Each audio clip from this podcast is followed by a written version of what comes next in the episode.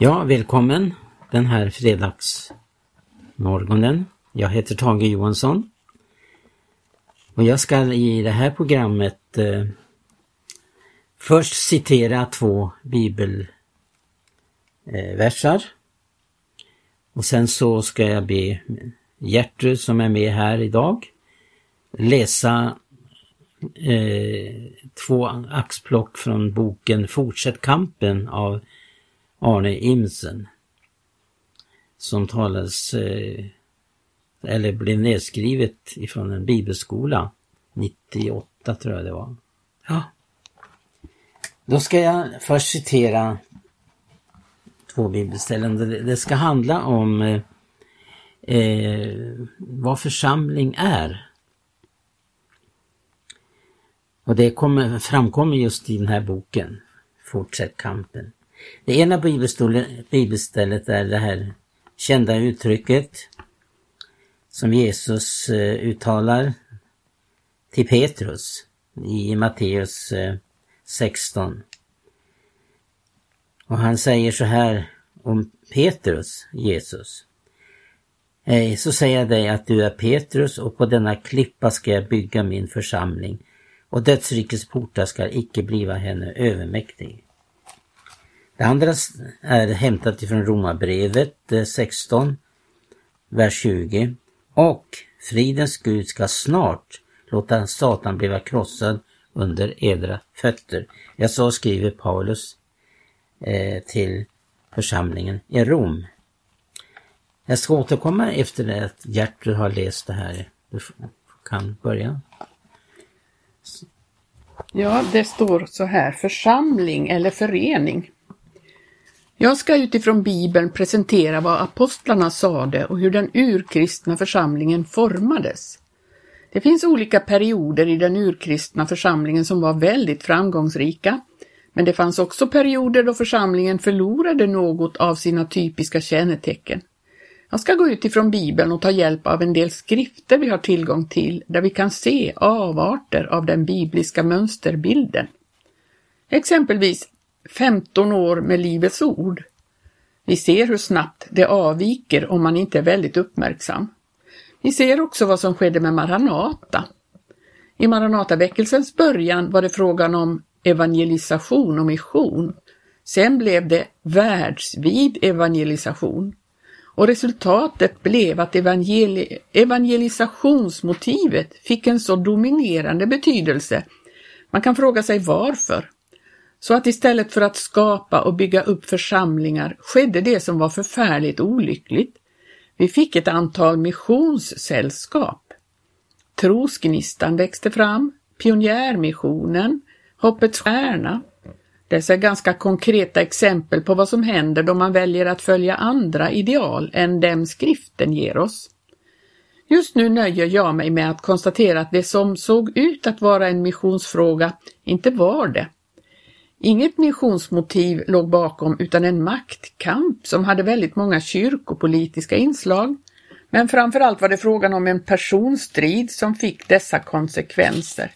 Därför vill jag visa hur viktigt det är att hålla sig till Guds ord och inte låta sig påverkas av mer eller mindre visionära påtryckningar om mission, evangelisation eller något i den stilen. Vanligtvis försöker man använda sig av dessa appeller som verkar så bestickande vi blir lätt duperade av dem. Därför ska vi undersöka dem. Vi lever själva i riskzonen. I pingstväckelsen har något förödande skett. Man var ursprungligen enade och samlade, höll fast vid ordet, men helt plötsligt började någon rycka åt sig en bit, en annan ytterligare en bit. Det blev ungdomsverksamhet, sång och musik, någon tog missionsinitiativet och andra ägnade sig åt andra ting, där man intresserade sig för en kategori. Det kunde vara akademiker som ville ha egna sammankomster, därefter kvinnorna, församlingssystrar och så småningom var kategoriklyvningen genomförd. I realiteten samlas numera aldrig hela församlingen utan endast delar av den. Detta är helt förödande och splittrar församlingen. När missionen är utvecklad har man skilda missionsinsatser Olika områdens medarbetare samlas och arbetar oberoende av andra.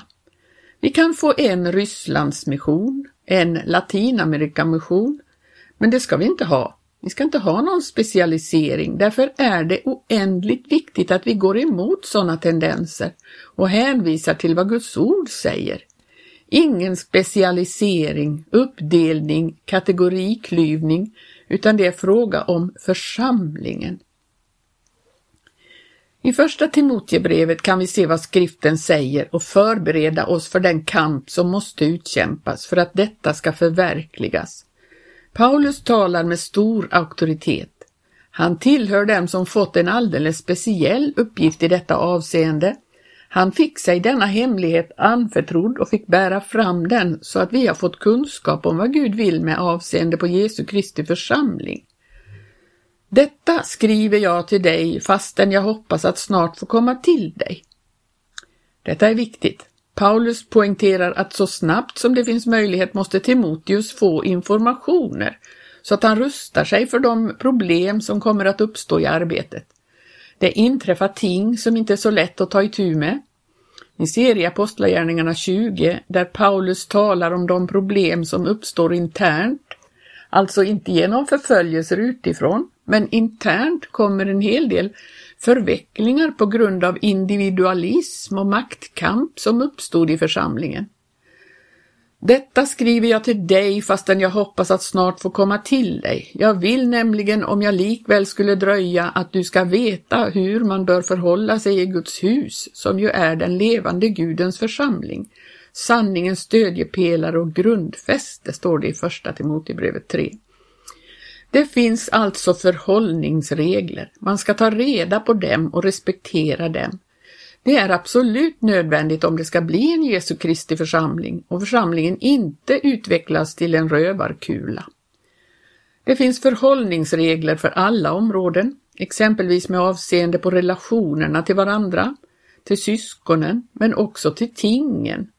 Det måste fattas beslut om vissa åtaganden man ska göra, det kan vara så att någon uppträder olämpligt och man måste på ett eller annat sätt ta itu med själavård eller församlingsvård. Så är det fråga om ekonomi, där Bibeln uppenbarligen är noggrann med avseende på insamling, redovisning och förvaltning. Det är oerhört med vilken känslighet ekonomiska frågor behandlas i skriften. Vem ska besluta om medlens insamling och förvaltning? Vem ska redovisa? På vilket sätt ska det ske? I skriften har vi förhållningsregler för hur man bör uppträda i Guds hus. Det ska genomföras utan ovidkommande hänsyn till människors visioner. Det finns ingen vision som står över Guds ord. Ordet är avgörande. Församlingen och organisationen. Jag behandlar nu frågan om församlingsordningen enligt Nya testamentets mönsterbild så vi alla får veta hur man bör förhålla sig i Guds hus, som är den levande Gudens församling. Vi tar först upp principiella frågor, sen går vi ner på det praktiska planet så att vi får se hur dessa principer ska appliceras i det dagliga arbetet. Med hjälp av några tankemodeller ska vi skissa upp principerna. Vi tänker oss två block som representerar maktkonstellationer. Församlingen är en väldig maktfaktor som har till sitt förfogande enorma resurser. Församlingen kan råka ut för den ödesdigra situationen att den gör sig skyldig till maktmissbruk. Det finns gott om maktkonstellationer i tiden. Vad skiljer församlingen ifrån andra?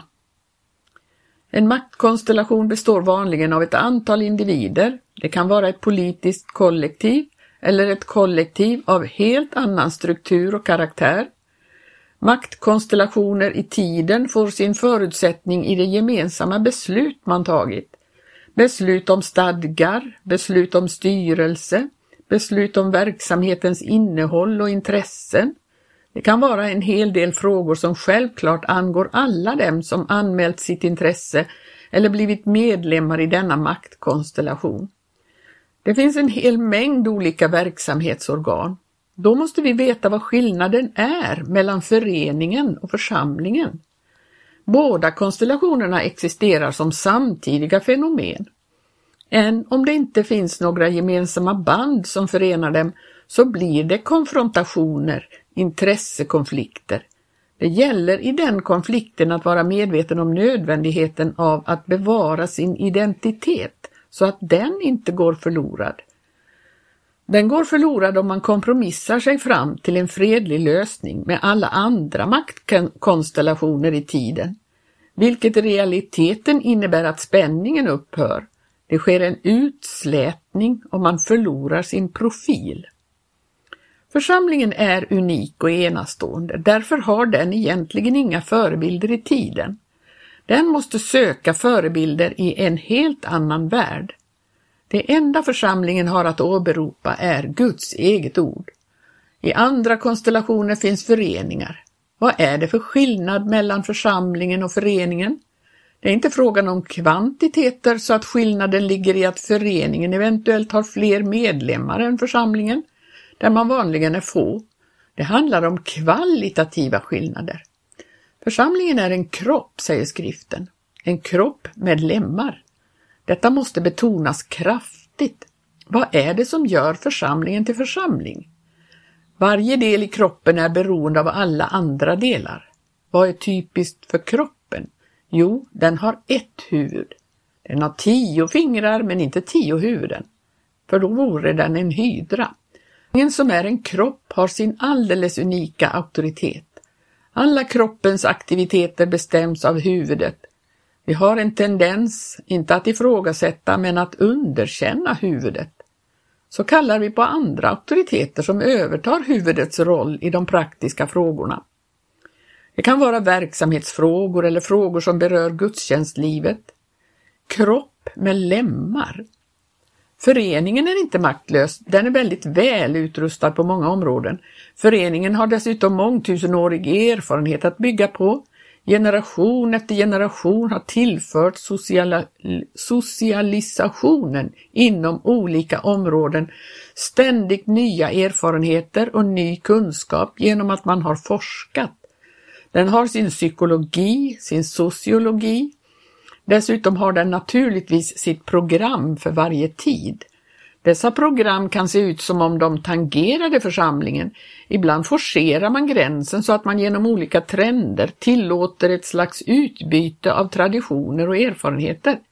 Det är det värsta som kan ske, ty då går identiteten förlorad. Ungefär som när Simson blir av med sina gudomliga kännetecken då flätorna blir avklippta. Då sitter han där, maktlös som alla andra jättar i tiden. Då förs han bort som en fånge ledd av en yngling till han har förlorat synen, friheten och kraften.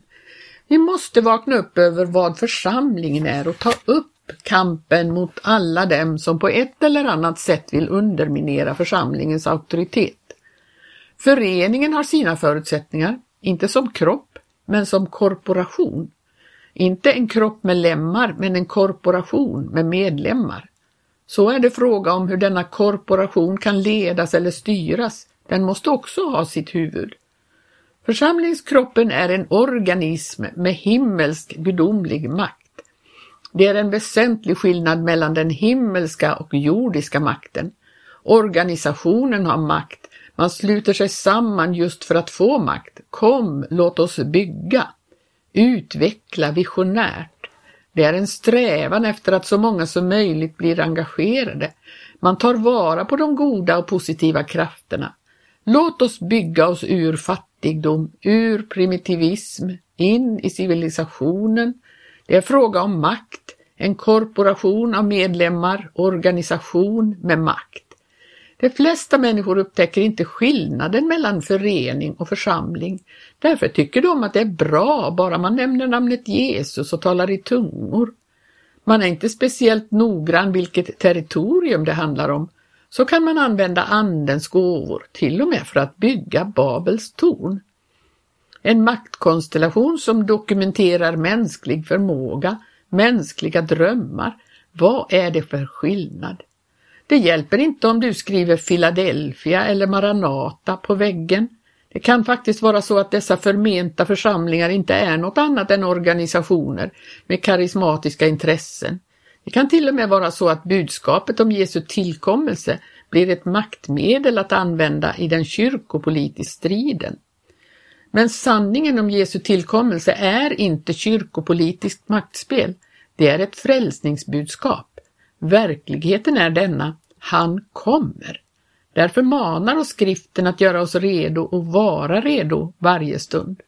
Församlingen är en kropp med lemmar, en organism med makt. Det som skiljer den från föreningsorganisationen är att församlingen är en tjänande makt. Föreningen är en härskande makt. I den levande Gudens församling tillåter vi inte några mänskliga maktkonstellationer bestämma vad vi ska tro på och hur vi ska tro. Ja, det var del 1 som handlar om församlingen. Så del 2, vi kanske hinner med någon sida där. Ja, det står där. Församling eller förening. Mellan föreningen och församlingen finns en ogenomtränglig gräns, en gräns som är en grav. Den forcerar man inte med livet i behåll. Man kan inte konvertera från förening till församling. Att överhuvudtaget åberopa medlemskap i en förening och våga hävda att detta skulle vara någon behörighet till barnaskap är helt bottenlös idioti. Du kan exempelvis inte genom någon form av civilisation eller religiös påverkan lämna föreningslivet och associera dig med församlingen. I realiteten, om du är medlem av Pingstkyrkan, vem bryr sig om det? Du får behörighet att välja föreståndare, bråka med äldstekåren eller ställa till trassel på någon annan punkt. Det har ingenting med himlen att göra. Om du har andlig hygien och verkligen är född på nytt så har du en sak att göra. Fly för ditt livs skull. Gå ut till honom utanför lägret för att bära hans smälek. Du skulle se det helt under din värdighet att ha ditt namn med i en föreningsmatrikel med en samling babyloniserade människor. Du skulle vägra ta det solidariska ansvaret, göra dig delaktig av denna förenings försyndelser, sveket mot Herren Jesus Kristus i sådana frågor som ekumenik, statsbidrag, samhällsengagemang överhuvudtaget. Att ha sitt namn med i en sån etablerad kyrkas matrikel vittnar om att man inte vet vad ett partiknippe är. Bibeln berättar om knipperna. Den enda matrikel himlen godkänner förs där uppe. Frukta icke du lilla jord, ty det har behagat eder fader att giva eder riket. Du lilla jord, du stackars lilla kropp som uppfattas som en mask. Jag ska göra dig till en tröskvagn med vassa taggar. Man gör inte en mask till en tröskvagn, det är bara Gud som kan göra det. Detta är Guds rike. Ett rike har en konung, ett folk och lagar. Ett rike har en historia, en uppgift, en framtid, en identitet och ett språk. Varenda enskildhet är förverkligad i Jesu Kristi församling. Det andra är världen. Det finns inga möjligheter att etablera diplomatiska förbindelser mellan Guds rike och världen, fastän vi inbillar oss att vi med ekumeniskt trolleri ska lyckas med det. Detta är en utmaning till hela etablissemanget, framför allt det religiösa. Jesu Kristi församling har fått sin stora och farligaste fiende på sitt eget territorium. Ja, jag kan stanna där.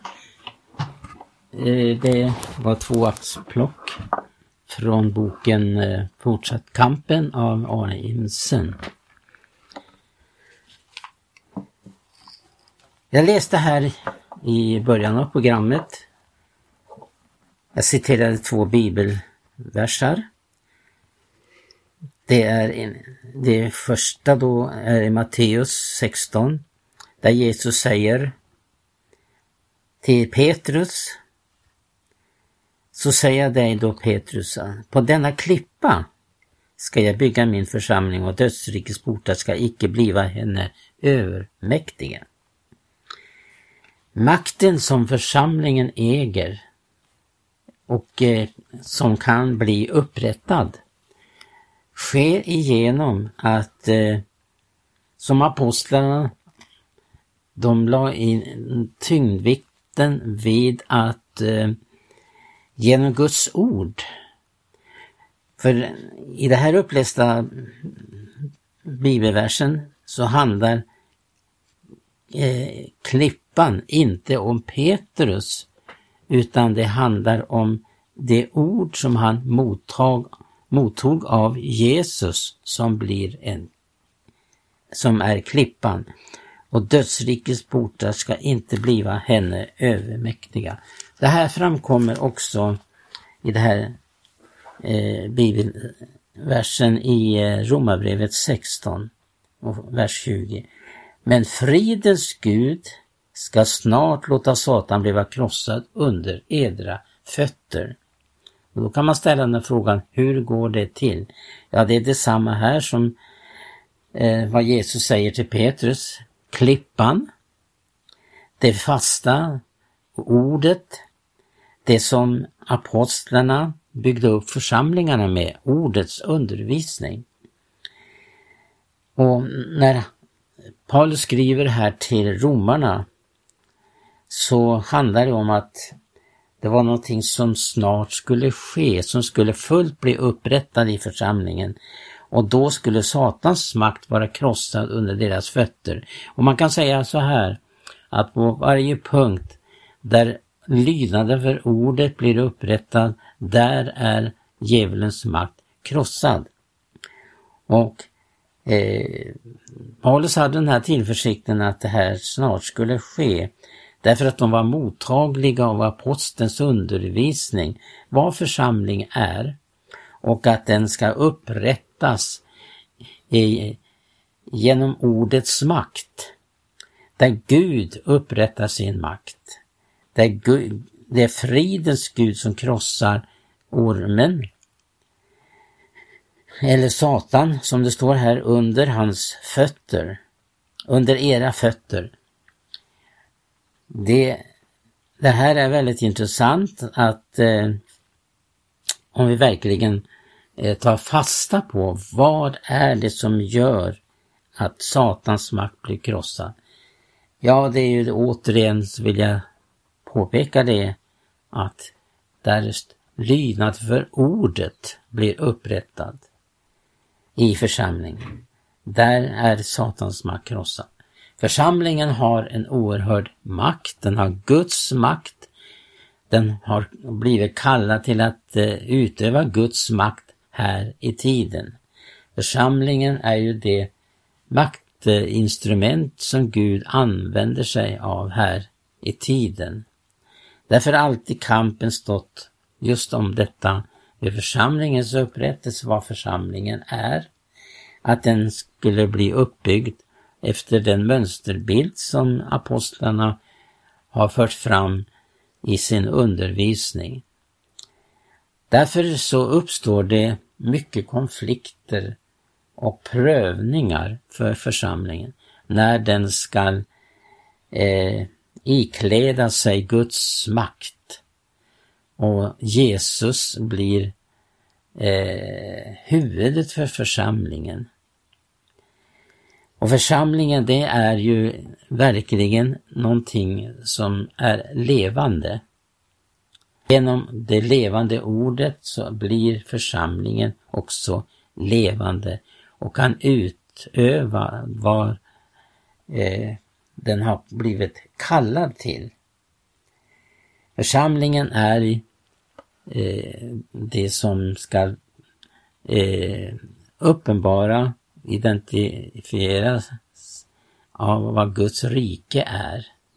Att Guds rike börjar ju genom att den kommer till oss, den finns invärtes, men också att församlingen består av lemmar som eh, då ska vara Kristi kropp i tiden.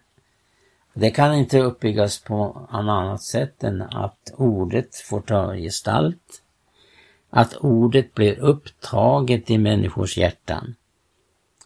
Så att församlingen är en himmel av himmels karaktär. Dess ursprung är himmelen. Och den eh, kämpar sin kamp här i tiden mot någonting som eh, Eh, står Guds rike emot. Men ära vare Gud så kan fridens Gud eh, upprätta detta genom församlingen att eh, Satans blir krossad under församlingens fötter.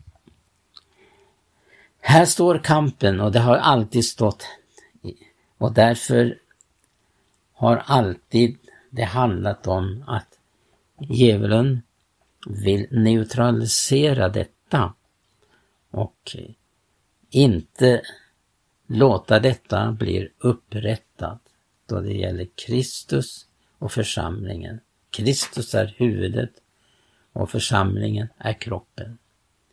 Ja, det var några ord om församlingen och det är det som är så viktigt i den här tiden. Vad församlingen är. Vi önskar dig Guds välsignelse och vi återkommer igen. Gud välsigna dig.